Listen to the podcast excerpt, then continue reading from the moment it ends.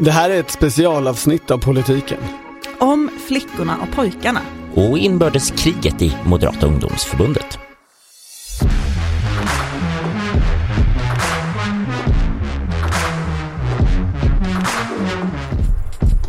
Det här är politiken med Maggie Strömberg och Torbjörn Nilsson och Henrik Torehammar. Om en vecka ska Moderata ungdomsförbundet välja ny ordförande. Mm. Det är så att den sittande ordföranden Matilda Ekeblad har utmanats av Douglas Thor. Och med anledning av detta så har det skrivits mycket om den gamla MUF-konflikten Flickorna och pojkarna. Och vi på politiken har fått väldigt många förfrågningar om att berätta hela den här historien. Vad är egentligen striden mellan flickorna och pojkarna? Det är, många politikpoddar har pratat om det här de senaste veckorna och sagt, oh, ja men det där är så lång historia, det är en hel podd. Men ingen har gjort den där podden. Men nu kommer den. Och det är faktiskt någon som har skrivit att artikeln om den här konflikten.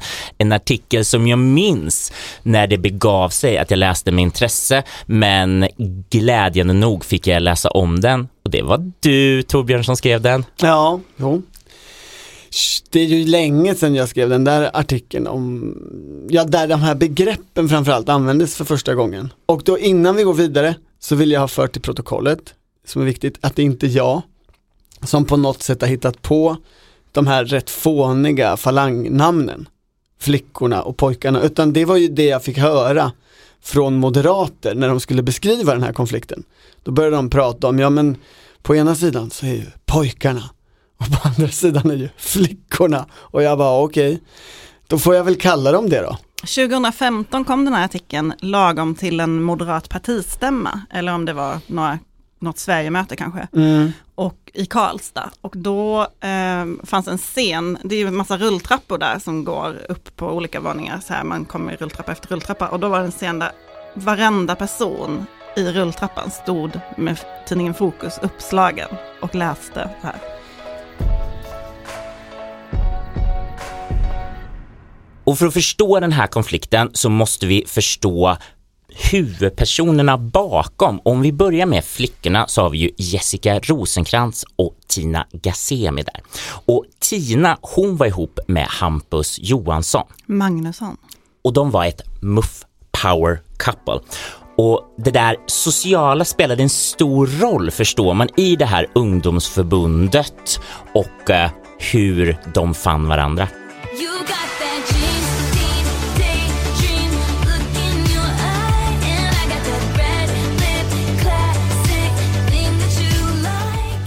Och jag läste lite ur artikeln.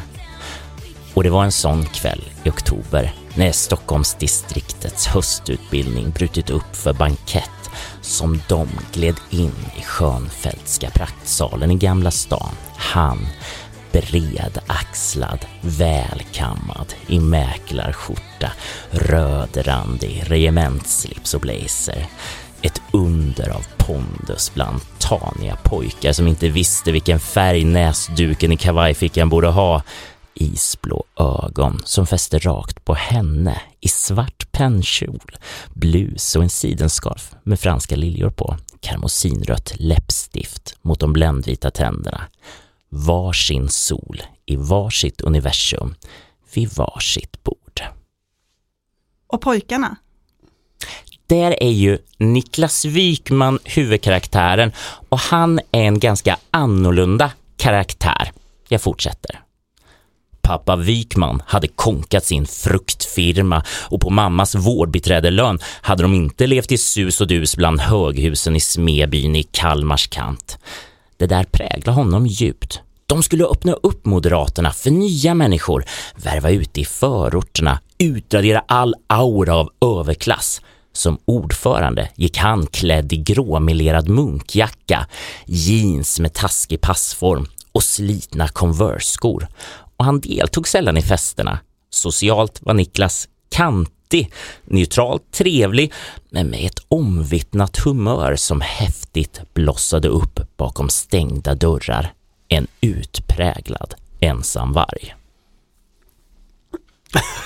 Vad är det för tid vi rör oss här i? För att man känner ju eh, starka vibbar av en Bratz-kultur som är på väg att eh, passera.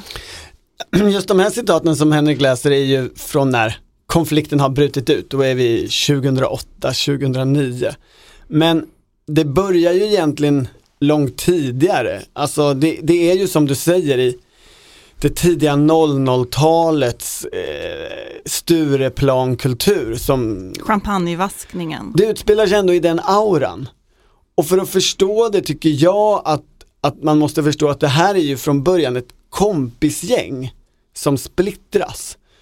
Alltså, Moderata ungdomsförbundet om man tittar lite längre tillbaka har ju styrts under hela 90-talet med undantag av Fredrik Reinfeldts korta år av en och samma maktdynasti. Den, Ulf Kristersson, ja precis, den som Ulf Kristersson startade i början av 90-talet. nuvarande statsminister för Sverige. Och efter Kristersson så kommer ju hela tiden de kandidater som sittande ledning vill ha eh, och, och de vinner. Alltså, Thomas Idegard, Som idag är, har lämnat politiken och är katolsk präst. Gunnar Strömmer, Justitieminister. Tove Livendal, Chef för ledarredaktionen på den här tidningen. Kristoffer Fjellner Stockholms starka man nu för tiden. och Johan Forsell. Också minister, bistånd. Just det. Det som händer 2004 är att Johan Forsell blir utmanad.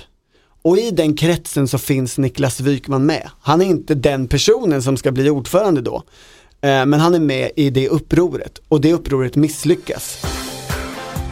Två år senare så har ju allting i Moderaterna förändrats.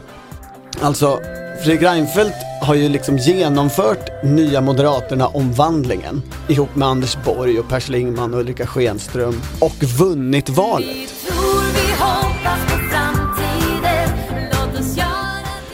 Så när det blir muffstämma på hösten 2006 i en, på ett Scandic-hotell i Sollentuna så, så lyckas den här nya konstiga kompiskoalitionen välta hela eh, Kristersson-dynastin och deras eh, nya kandidat till ordförande. Och så kuppar de och vinner och Niklas Wykman blir förbundsordförande.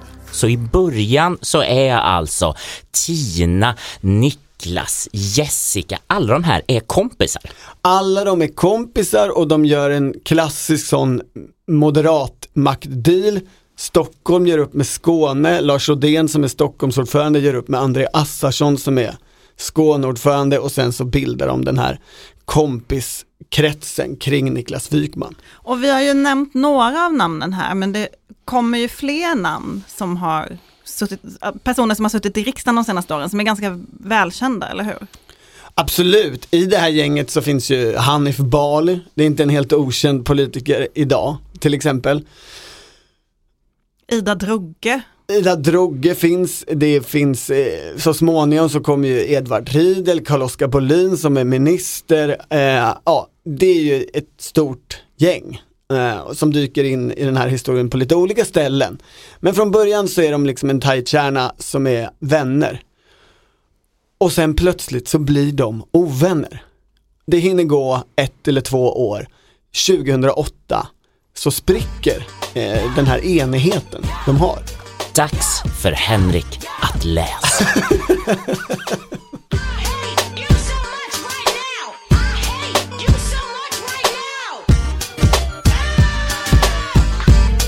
Hämnd upptog deras tankar i minibussen tillbaka. Niklas gäng var vansinnigt. Att någon hade vågat utmana dem det här tänkte de fan inte finna sig i. Den där jävla Tina skulle få se. Nu slänger vi ut dem. Till Stockholms distriktsstämma vintern 2009 backade de upp Hanif Bali. Han satt i distriktsstyrelsen men hade aldrig kommit överens med Tina och ställde upp som ordförandekandidat mot henne. Hanif besvärades av ett rykte om att han var lat och gnällig, men Niklas gillade honom och såg potential. Vad är det som har hänt? Det det här är det som alla har frågat sig i alla år egentligen. Och på många sätt så är det ju så pass enkelt då som att det är, ett, att det är unga människor i ett kompisgäng som börjar bli ovänner av skäl som ingen egentligen minns idag och, och knappt visste då. man snackar skit Plötsligt blir inte någon bjuden på förfesten. Det blir, bildas kluster. Alltså det känns ju väldigt mycket som en high school-film och jag kommer ihåg din tweet från den här tiden Maggie. Om du älskar filmen Mean Girls kommer du gilla den här artikeln. Alltså när jag läste om det här så fick jag just känslan i Mean Girls när Regina George inser att hon har liksom långsamt blivit förtjockad utav den ondskefulla Lindsay Lohan-karaktären. Why are you eating a bar? I'm starving. Man, I hate those things. Coach Carr makes us eat those when we want to move up a weight class. What? They make you gain weight like crazy. Mother.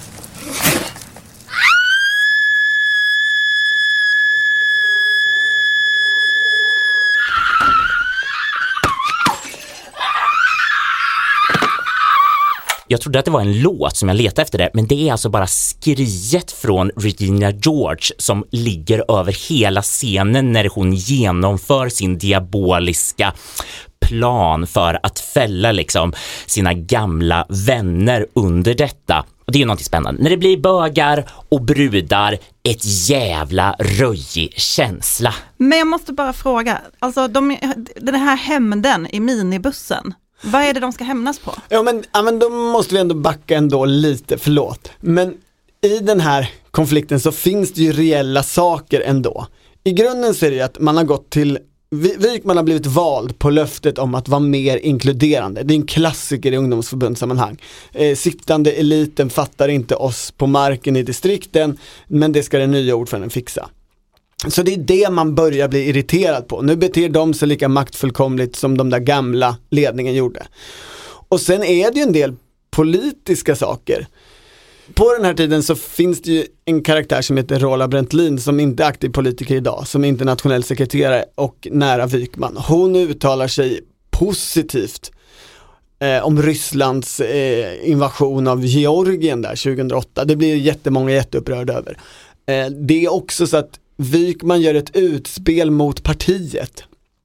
Eh, partiet vill att det ska bli mer till, tillåtet att jaga fler sälar, skjuta fler sälar. Och det blir han jätteupprörd för och klagar klaga på partiet över. Och det blir människor upprörda över i sin tur. I grunden så är det ju så att Stockholm och Skåne som har varit kärnan i det här maktövertagandet eh, börjar bråka och Stockholm söker sig till Göteborg.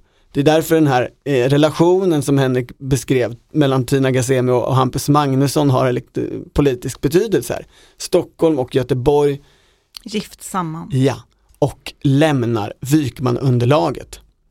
Och det sker på stämman i Göteborg på hösten 2008.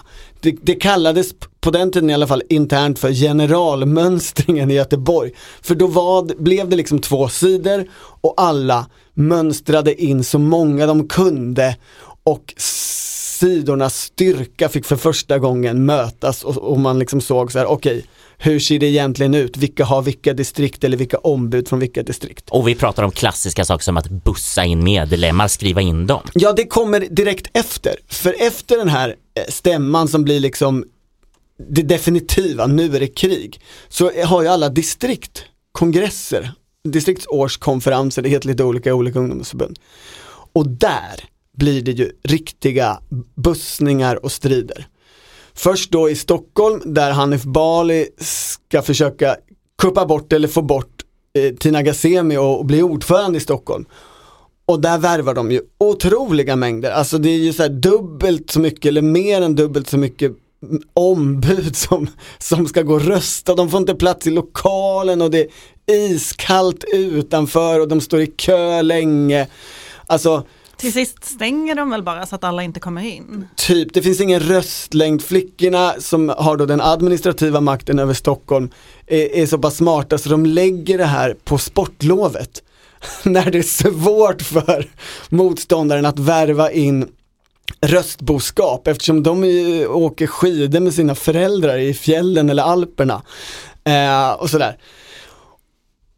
Flickorna vinner. Hanif Bali och pojkarna får inte makten över Stockholm. Men sen händer ju motsvarande sak i Göteborg några veckor senare. Göteborg är ju då i, allierat med, med Stockholm och flickorna. Men där finns det ju enskilda personer som kanske vill någonting annat. Och de stöder då pojkarna och liksom bygger upp kampanj under och bussar ner folk. Det failar också i en stor och eh, eh rörig strid om mötesordning, vilka som egentligen har rösträtt, där Hampus Magnussons pappa, den gamla partisekreteraren Jonny Magnusson sitter mötesordförande och avgör allting till sin sons fördel kan man väl säga. Ja, Jonny Magnusson som också är ordförande, eller har varit i Västra Götalandsdistriktet länge.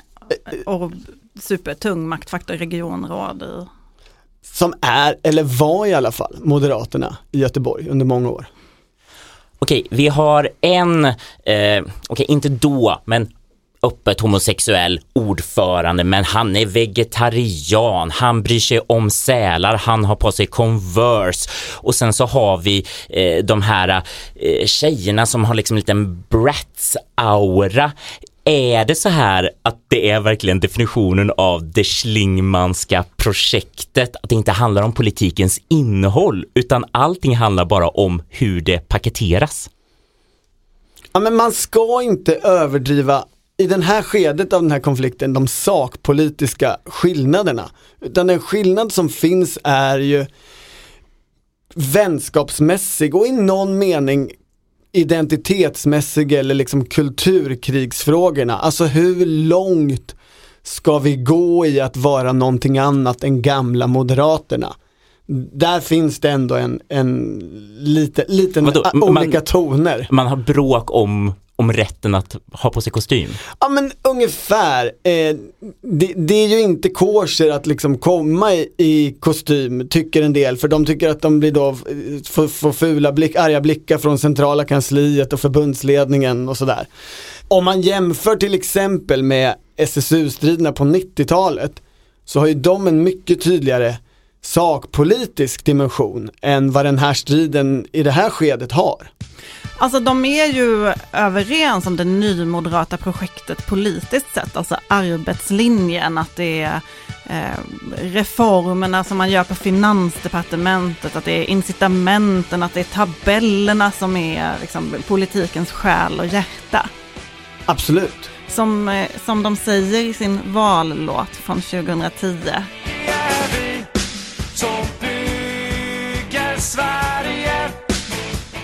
vi har en ideologi där alla säger.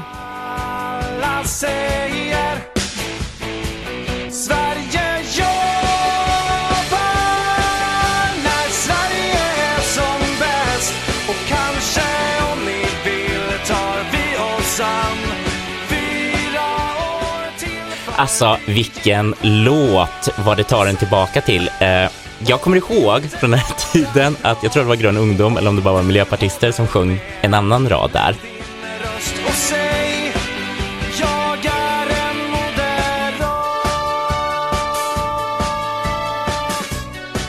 Jag är en undulat. Okej. Okay. Ja, sagt. men eh, det, Nej, men så det- kan det ju vara. Det finns ju något, i, i, det är så många textrader i den här sången, men den textraden är ju den tiden. Att säga, jag är en moderat. Det var revolutionerande i sig i den tiden. Det finns en textrad som handlar om en student som uppfinner en ny skruv och startar ett nytt ABB. Jag lyssnar på den här låten väldigt ofta ska jag erkänna. Och då tänker jag alltid så här, tänk om jag uppfann den där skruven. Och sen brukar jag ofta googla, vem syftar det där på? När uppfann någon senast en skruv? Nej men det är många bottnar i den här låten. Ja, och det här pågår ju under lång tid, alltså den här konflikten på, är, är, är då igång 2008 och så går ju den över Nya Moderaternas riktiga uppgångssuccé, alltså valet 2010.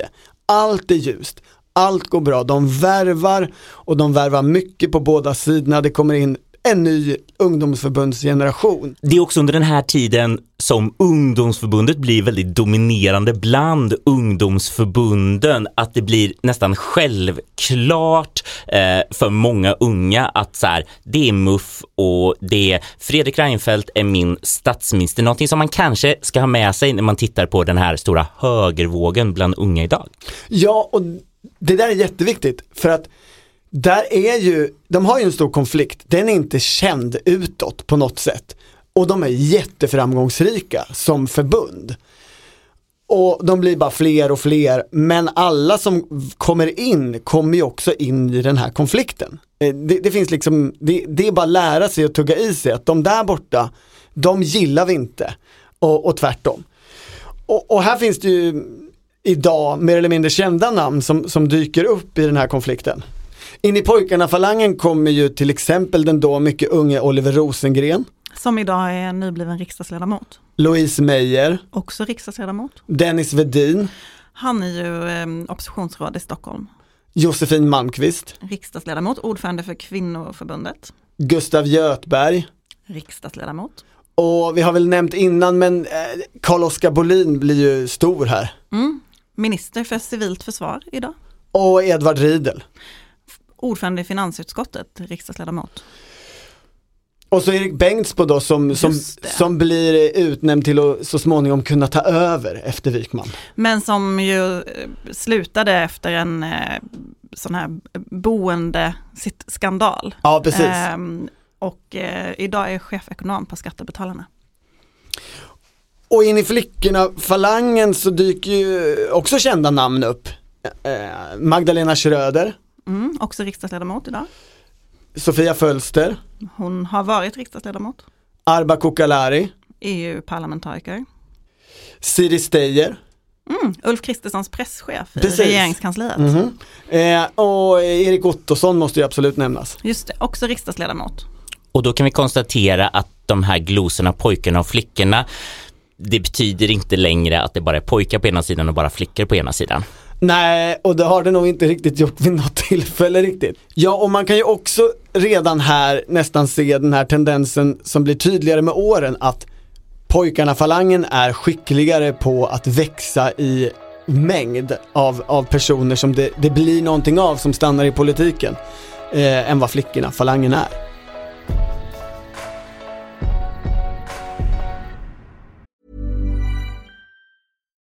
Hi, this is Bachelor Clues from Game of Roses, of course, and I want to talk about Club Med.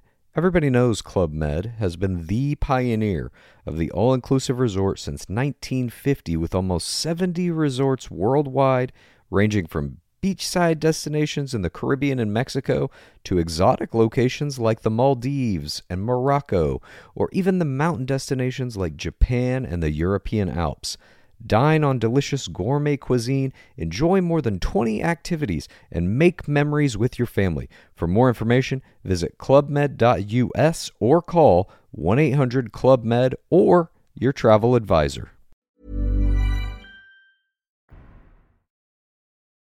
Hur letar sig konflikten från ungdomsförbundet in i moderpartiet?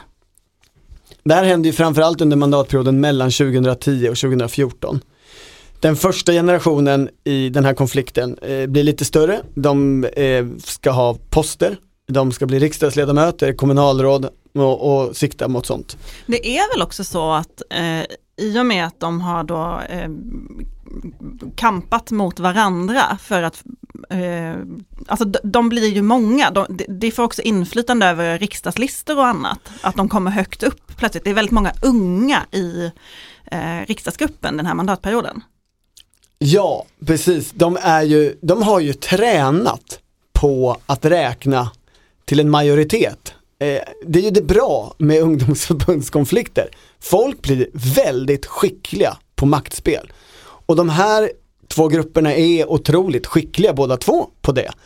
Och skickliga då på att i nomineringsprocesserna när valsedlarna ska fram, framförallt inför valet 2014, så är de ju jätteduktiga på att strategiskt tänka, vilka föreningar behöver vi ta makten över? Vilken person behöver vi övertala för att vi ska få liksom skicka upp två av våra namn högt på riksdagslistan? Framförallt är ju flickorna extremt duktiga på detta inför valet 2014. Man skulle nog kunna säga att flickorna, falangen står på sin topp då. Eh, men det där utmanar ju också i partiet. Partiet börjar märka den här konflikten, folk blir irriterade, förbannade, eh, liksom vi förstår att ni är unga och vill framåt och göra saker, men ni får ju ta det lite varsamt och bida er tid och bete er, kanske, framförallt. Det finns ju också ehm, en skräckvision här som är de gamla SSU-striderna. Alltså 2011 så väljs ju Håkan Juholt till partiordförande för Socialdemokraterna och många menar ju att det är en konsekvens av att de gamla falangerna i ungdomsförbundet eh, börjar blockera varandras kandidater. Ja, Och eh, all- alla vet ju hur den historien gick och slutade och vilken kris det var för Socialdemokraterna. Och det är ju också något man pratar om i Moderaterna vid den här tiden. Att vi kan inte skapa den typen av liksom, stora eh, strukturella problem i partiet. haken i när det går så dåligt för Socialdemokraterna under Håkan Juholt är ju att Moderaterna inte riktigt har någon stark motståndare. Så de behöver inte vara på tå och, och vara på sin vakt så mycket. Nymoderata projektet går ju i graven i och med valförlusten 2014, Reinfeldt avgår och så. Men hela energin i det nymoderata projektet är ju borta två, tre år tidigare och kvar är då de här falangstriderna som flyttar in i, i partiorganisationen. Och här brukar det ju nämnas namn i en lite äldre generation av lite kanske med lite större tyngd. Alltså jag tänker på till exempel Irene Svenonius i, eh, som ju har varit en maktfaktor i Stockholms län från Täby. Och hon blir Ehm, pojke.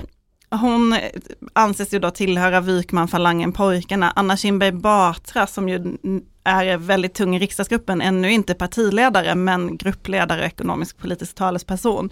Hon anses ju stå på flickornas sida. Det finns ju en, eh, en scen du beskriver när de petar Hanif Bali som konferencier på ett sammanhang och Anna Kinberg Batra kliver in. Ja, toastmaster till och med, alltså Hanif var ju eh, kort och rolig toastmaster, i, liksom självskriven. Men så bestämmer sig flickorna för att han ska fan inte få vara toastmaster utan ringer in Anna Kinberg Batra istället. Så allting räknas i den här pågående konflikten. Jo men det här är ju där det blir riktigt intressant. För här börjar det bli oklart vad som är rykten och som människor agerar på rykten och vad som är de facto saker. Alltså, en skillnad mellan Moderata ungdomsförbundet och partiet är att i partiet så finns det en organisation för Stockholms stad och en organisation för Stockholms län. I ungdomsförbundet så det är en och samma, Stockholm är, är ett distrikt så att säga. När de här kommer in i partiet så tar de så att säga varsitt Stockholmsorgan. Pojkarna eh, blir dominerande i, i Stockholms län, flickorna blir dominerande i Stockholms stad.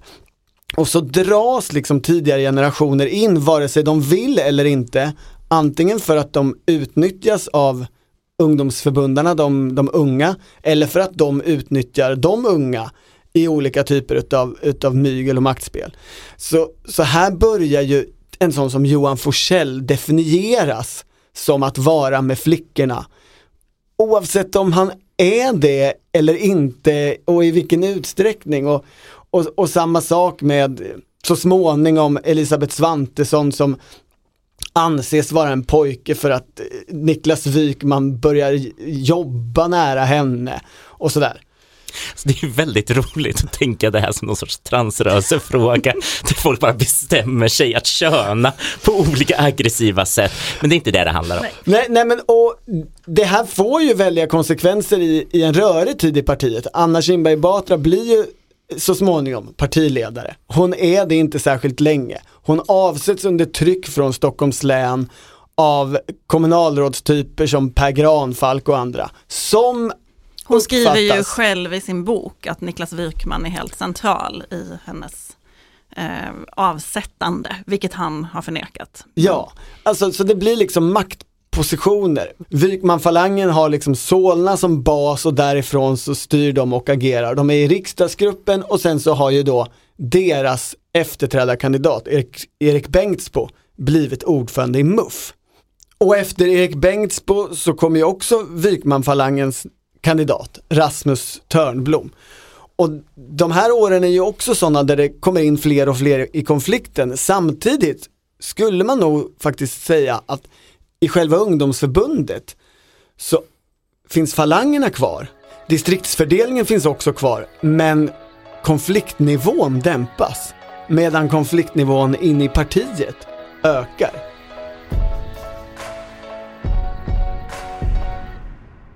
Vi återvänder till ungdomsförbundet, för nu kommer plötsligt en joker in i leken, fast han äntrar scenen som en fredsfurste. Vi är många som varit en del av kulturen med mobbning, utfrysning och destruktiva beteenden som nyvärvade medlemmar tvingats in i, inte minst jag själv. Det här är Benjamin Dosa. Han är 23 år och den som utmanar den sittande ordföranden i Moderata ungdomsförbundet. Nu spelar det inte längre någon roll vem som har gjort vad och varför. Vi ska försonas och ärvda skyttegravar fyllas igen. Ja, och här hörde vi plötsligt din radioreporterröst, Maggie Strömberg. Mm, precis, det här är 2016 um, inför MUF-stämman när Benjamin Dosa utmanar Rasmus Törnblom Mm. eh, med ett budskap om fred. Och Benjamin Dosa är ju eh, från början ur Wykmanfalangen. Ja. överger sedan den, lierar sig med flickorna, säger att förbundet måste gå åt höger, men samlar både de konservativa och libertarianerna. Han är ju en fredsfurste, s- som Henrik var inne på, men ännu mer så är han ju en, en människa som har läst Machiavellis Fursten väldigt noga. Ja men den riktiga maktspelaren på många sätt i den här konflikten. Och Rasmus Törnblom som jag också träffade till det här reportaget i Studio 1, han, han höll ju med om att MUF behövde fred. Eh, men han var, tyckte kanske inte riktigt att Benjamin Dosa var rätt person för det. Behöver MUF fred? Ja, det gör det. Men jag kan ju också konstatera att sen Benjamin lovade fred så har ju konfliktnivån i ungdomsförbundet tyvärr eskalerat. Jag, jag skulle säga att av vad jag kan överblicka så har vi inte haft så här dålig stämning eh, på åtta år. Jag tycker att eh, stämningen i ungdomsförbundet är någonting som oavsett utfallet på stämman måste tas, ta, tas, tas tag i och hanteras därför att det finns uppenbart dålig stämning och uppenbart stora motsättningar. Och som gammal bevakare av ungdomsförbund här så, så måste jag in i distrikten för det tycker jag är enda sättet att begripa det. Det han gör är att han lyckas bryta båda falangerna ju. Eh, Dosas liksom kastar ju om hela spelplanen. Wykmanfalangen, alltså Erik Bengtsbo och Rasmus Törnblom, de har ju centrala kansliet, Mälardalsdistrikten och Skåne. Flickorna, den andra sidan, har ju Stockholm och Göteborg. Och Dosa får ju med sig Stockholm och Göteborg och Mälardalsdistrikten. Och isolerar ju fullständigt Skåne. Skåne blir, det stora mäktiga Skåne blir irrelevant egentligen. Eh, I den här maktgruppen. Och det snygga i detta är att stämman där han blir vald sker nere i Skåne, i Malmö, på slakthuset, det gamla slakthuset. Han slaktar den här striden och skapar en helt ny dynasti. Och finns det någon policy han slaktar eller är allt bara liksom gamla falanger? Nej men, alltså man, här ska man komma ihåg att MUF är ju ett ovanligt mäktigt förbund rent stadgemässigt. Alltså eh, de har representation i alla viktiga organ, i valberedningar, i alla styrelser som finns. Detta gäller på alla nivåer i partiet. De får också väldigt många ombud på stämman. Alltså en stor del av Moderata partiets eh, medlemmar är ju muffare och, och det syns också på stämman. Så är det inte i Socialdemokraterna till exempel. Där är SSU en, en mycket mindre maktfaktor när man fattar beslut. Och Benjamin Dosa, han vet ju verkligen att använda det där. Det är ju stämma efter stämma där, där Benjamin Dosa styr och faktiskt vinner över partiledningen. Bland annat genom att liera sig med kommunalråd som Oliver Rosengren som då tillhör den andra falangen. På det sättet kan man väl säga att han sätt och vis läker ihop, alltså han, han eh, driver maktspel ihop med alla. Ja, och det är ju den här eran där så mycket förändras i Moderaterna. Alltså där hela drömmen om vi eh, ska göra upp med Miljöpartiet så att Socialdemokraterna aldrig kan få makten ersätts av vi, vi måste stoppa flödet till SD och kanske ska vi göra upp med SD så att Socialdemokraterna aldrig får makten. Men, och när Benjamin Dosa kandiderar till MUF-ordförande så gör han det med ett policyförslag om, alltså som är likt det här med kvalificering till välfärden för nyanlända. Och han pratar ju väldigt mycket om en, en högersväng, att partiet måste, eller ungdomsförbundet måste gå i en mer konservativ riktning. Och det handlar ju om den stora omsvängning som partiet gör här, alltså i migrationspolitiken, i synen på SD. Det, det börjar ju här. Ja, det, det är ju en, en riktig förändring. Alltså ungdomsförbundet slutar ju slå på partiet från något slags woke-håll och börjar ju slå på partiet från reaktionärt eller kulturhögerhåll. Så om Benjamin Dosa kanske var lite mer Machiavelli, försten än fredsfursten lyckades han ändå på något sätt begrava pojke och flicka-striderna i ungdomsförbundet. Eh, det- här tvistar ju folk om, så det är, ju- det är svårt. Men jag skulle ändå hävda att det gör han ju. Eh, det blir så stor förändring. Samtidigt, det här maktövertagandet, det är ju eh, förnedrande för den gamla Wykman-falangen och, och skapar ju en, en hämndlystnad som kommer påverka ungdomsförbundet framöver och ligger där latent hela tiden. Men framförallt så är det ju i partiet som Wykman-grupperingen, pojkarna, tar sig framåt och gör sig hörda eh, under de här åren.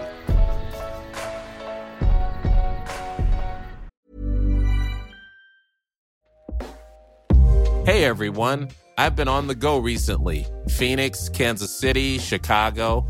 If you're like me and have a home but aren't always at home, you have an Airbnb. Hosting your home or a spare room is a very practical side hustle. If you live in a big game town, you can Airbnb your place for fans to stay in. Your home might be worth more than you think. Find out how much at airbnb.com/slash host.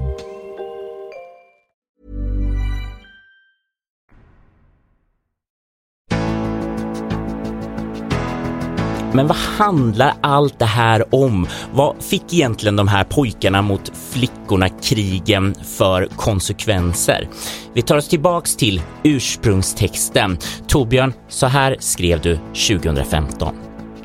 De har lärt sig att politik handlar om person och de vet hur man svetsar samman människor och tar makt. De registrerar vad folk gör och agerar. Det kan vara en 16-årig tjej som fikar en dag med fel person och direkt straffas.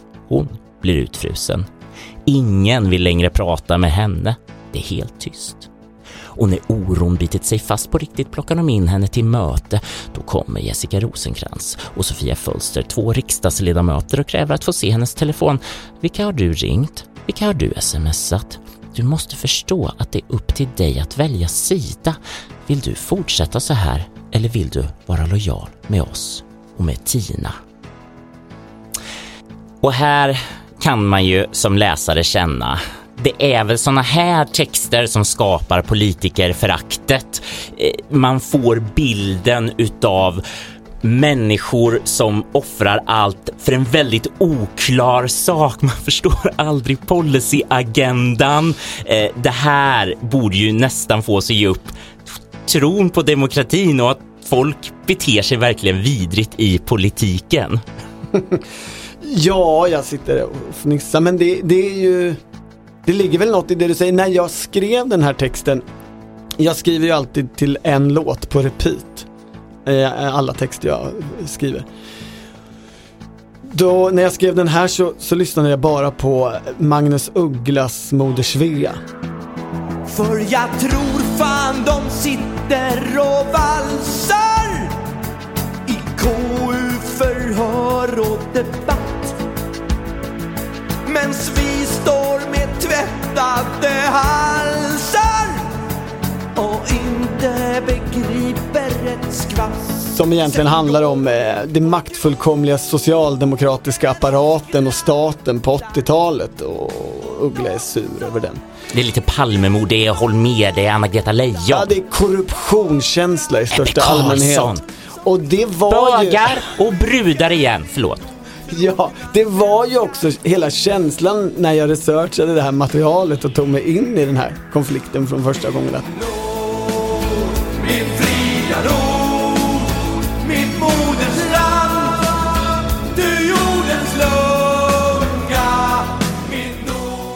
De förstör ju varandra. Eh, och det blir ju också den effekten på sina håll att en del av de här försvinner ju från politiken. Och här tycker jag, alltså om vi tittar lite med 2022 års ögon på hela konflikten så är det ju tydligt att någon gång efter Benjamin Dosas maktövertagande fram till idag så försvinner ju flickorna falangen. Man, man skulle väl kunna säga så här, eller om man pratar med människor som är, ingår i den falangen eller står den nära på olika sätt, så beskriver ju de det som att eh, flickorna hade ju aldrig en imperialistisk dröm. De ville inte ta över partiet, de försökte försvara sig när Niklas Wykman ville ta över partiet och ta över deras olika eh, poster och förbund. Och en annan sak man kan höra är att eh, den här gamla flickorna-falangen är människor som också har andra liv, medan Wykman-falangen jobbar 24-7 för att ett, ta fram reformer, två, ta över partiet. Och att det är så ännu idag. Ja, och, och tittar man när man ska försöka räkna upp vilka är flickorna-falangen idag 2022 så är de ju inte så många och beter sig nog inte som en falang och har nog inte gjort det på ganska många år. Om Wykman-falangen så pratades det ju länge att de hade alltså särskilda möten i riksdagen. Eh, att de hade förmöten före gruppmötena och alltid kom dit ihopsnackade, eh, drev samma linje, tyckte likadant, röstade på samma sätt. Det här har de ju alltid sagt inte är sant. Ja, de, Eller de säger så här, vi är ett gäng kompisar som fikar.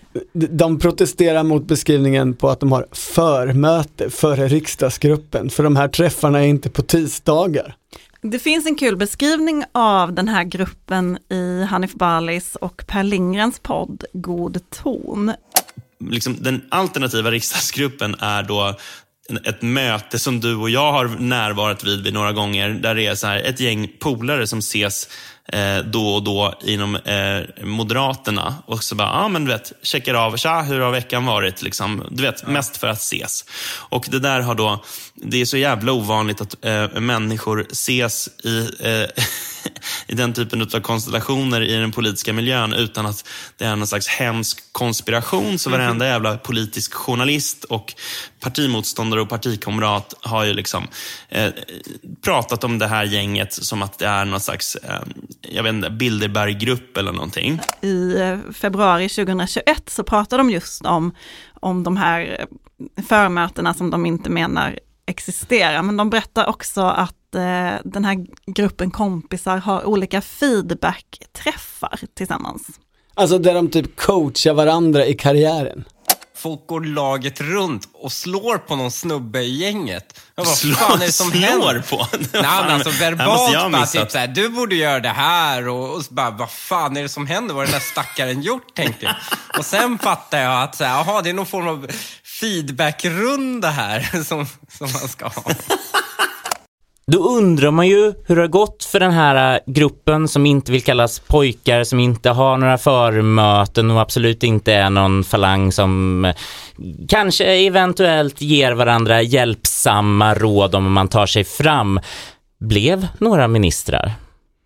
Ja men det här har det ju pratat så mycket om de senaste veckorna i eh, Moderaterna och eh, politiken. För det är ju så att efter det här valet har ju pojkarna tagit stor slam, får man väl säga. Säger man så? Slam. Ja men det måste man säga, särskilt om man tänker att de har jobbat mot partiet eller varit i det dolda och inte fått saker under, under flera år. Om man tittar på regeringen så har ju då Niklas Wykman blivit finansmarknadsminister, sitter på finansdepartementet ihop med Elisabeth Svantesson. Det beskrivs också som att flera av statssekreterarna och tjänstemännen där också är tydliga Wykmaniter eller kommer, det är liksom Anders Borgs arv i grunden. Eh, Carl-Oskar Bolin har ju blivit minister för civilt försvar, en, en helt ny ministerpost, det ligger mycket prestige i just det området, det är väldigt aktuellt just nu. Medan då Johan Forsell som klassiskt räknas på den andra sidan har blivit biståndsminister, som någon sa, skickas ut till Bangladesh och ska, skriva, ska skära ner på biståndet. Eh, Men Maria Malmer Stenergard ha- räknas ju också till den andra sidan, hon har blivit migrationsminister. Men man, man ser det, det tolkas ändå i partiet som att Ulf Kristersson har gett väldigt mycket till Wykmanfalangen och gamla pojkarna. Och även i riksdagen ser man ju det här. Um, Jessica Rosenkrantz har visserligen blivit vice gruppledare och ordförande för socialförsäkringsutskottet, men Edvard Riedel, ordförande för finansutskottet, väldigt tung post. Ja. Flera av de andra i det här kompisgänget har också blivit eh, gruppledare i olika, olika utskott. Och henne jag började med och slutade med, Tina Gazemi, hon är ju inte kvar i politiken. Nej, Tina Gazemi är ju inte kvar i politiken och det finns ju inte en falang runt Jessica Rosenkrantz idag. Däremot så är det ju lika intressant egentligen tycker jag att ställa Wykman-falangen i, i relation till den tredje falangen, alltså Benjamin Dosas nya dynasti. Vad har den fått? Den har ju inte fått någonting i det här moderata maktövertagandet av regeringskansliet. Eh, Många tippade ju på att Benjamin Dosa skulle bli minister, men det, det blev han ju inte. Nej, det, det finns ju en del politiskt sakkunniga förstås som kommer från dagens MUF och, och dagens MUF-ledning är ju i någon mån skapad av Benjamin Dosa och känner sig lojal mot Benjamin Dosa. Men det är ju inte så att Benjamin Dosa nu får ta ett kliv fram för att någon gång i framtiden kunna vara en kandidat mot någon från Wykman-falangen när det ska bli partiordförandestrid om ett antal år. Eh, utan det är ju Wykman-falangen som nu ges en plattform att bygga flera kandidater till att någon gång ta över alltihopa. Och det som personer som då står utanför den falangen vill ju hellre beskriva det som att eh, det finns ett parti och sen finns det en fraktion som vill någonting annat. Det är inte ens en falangstrid med två sidor längre. Det, det enda som förenar den andra sidan är att de inte är med i Niklas Wykmans gäng. De har ingen tydlig ledare, de har ingen... Och här blir det ju historiskt intressant. För vilken karaktär i Moderaternas närtidshistoria är det Niklas Wykman påminner om? Jag tror att han själv någon gång i tiden ville känna sig som den här utfrysta Fredrik Reinfeldt. Ni vet när Fredrik Reinfeldt blev satt i frysboxen på 90-talet av Carl Bildt. Och så var det nog ett tag under Anna Kinberg Batra och Ulf Kristersson. Men det han har gjort istället är ju att, att bygga ett stort nätverk, ett stort gäng av väldigt lojala. Och vem var det som gjorde det i slutet av 90-talet i lite opposition mot partiledningen? Låter som Ulf Kristersson. Precis.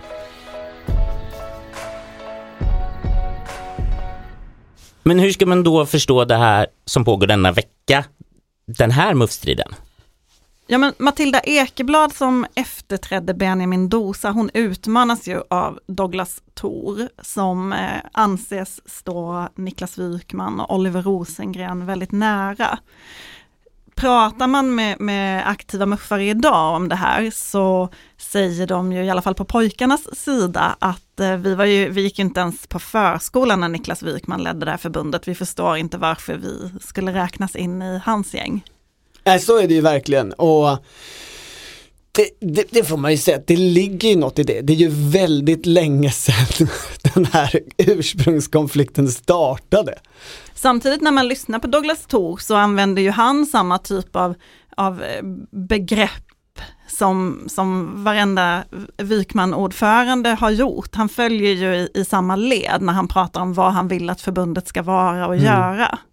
Det här med att bredda sig, vara öppen, eh, prata ekonomi, Inte vara någon slags ideologisk tankesmedja utan fokusera på relevanta reformer. Nya Moderaterna. Okej, vem kommer vinna då? Kommer pojken eller flickan vinna? Ja, alltså de reser ju just nu runt i landet och möter, eh, båda två är på olika eh, kampanjresor. Eh, pratar man med dem så säger ju båda att de kommer vinna. Eh, de säger båda att de har ombud på sin sida som den andra inte känner till. Det här är ju spännande, jag, jag, förlåt men jag måste in i distrikten igen.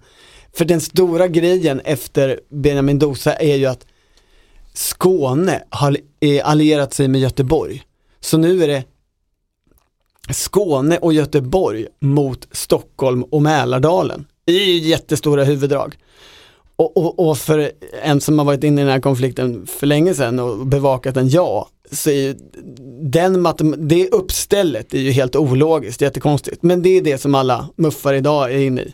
Du har ju också frågat dem vad de kallar sig idag, de olika falangerna. Vad har du fått för svar? Eh, Jag har inte fått, alltså det är ingen som vill kalla sig något eh, i det här. Och det är ju ingen, och heller historiskt, som har kallat sig, jag är en av pojkarna. Det har de ju bara gjort efter att det blev ett begrepp. Så det, det är ju högst ofrivilligt skulle jag säga. Det är lite som när krimjournalister döper olika gäng för att kunna skriva om dem. Ja just det, och sen bara, nej men vi, vi, vårt gäng kan ju inte heta något så här töntigt. Efter allt det här har pratat om pojkar och flickor, kan vi nu då en gång för alla säga pojkarna och flickorna, det var en sak förut, men nu är det dött. Nu kan vi begrava pojkarna och flickorna. Eh, alltså det vore ju skönt eh, för den pedagogiska förståelsen om det gick. Problemet är att det inte går för att legenden, myten om finns och spelas ju in i den här nya muffstriden och används där som ett verktyg av olika aktörer. Gänget runt Matilda Ekeblad, är ju, det är ju de som väldigt gärna lyfter den här konflikten nu och säger det är pojkarna igen, det är Wykman som är tillbaka. Som ett gammalt spöke som de frammanar nästan. Och den här konflikten kan ju få betydelse. Trots att Sverigedemokraterna är största parti i regeringskoalitionen så är det Moderaterna som har statsministerposten. Vad ska ungdomsförbundet vara i relation till Ulf Kristersson? Vad är det för maktbastion eh, att ha när det börjar gå dåligt för partiet om några år? Om man sådär. fostrar dessutom alla de nya, det är ju också en viktig sak. Man, som, just som vi pratat om Benjamin Dosa så bygger man ju lojalitet med sin, sin generation genom att styra över ungdomsförbundet. Ja, och det är ju det grundläggande mänskliga som aldrig försvinner från sådana här konflikter. Alltså, det finns ingen flickorna-falang idag. Pojkarna-falangen är någonting helt annat än vad den var från början. Men lojalitet byggd i unga år är det starkaste kittet som existerar i politik. Tilliten och det fullständiga förtroendet som det kan ge, det är ju med det du kan bygga riktiga maktkoalitioner i framtiden.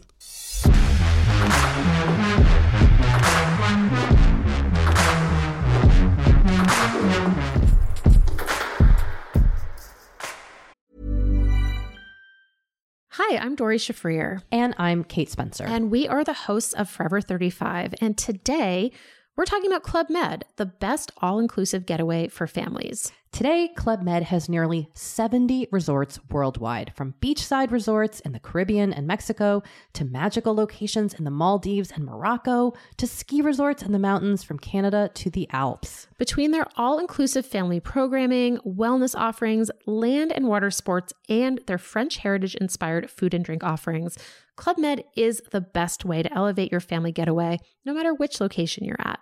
To learn more, visit clubmed.us.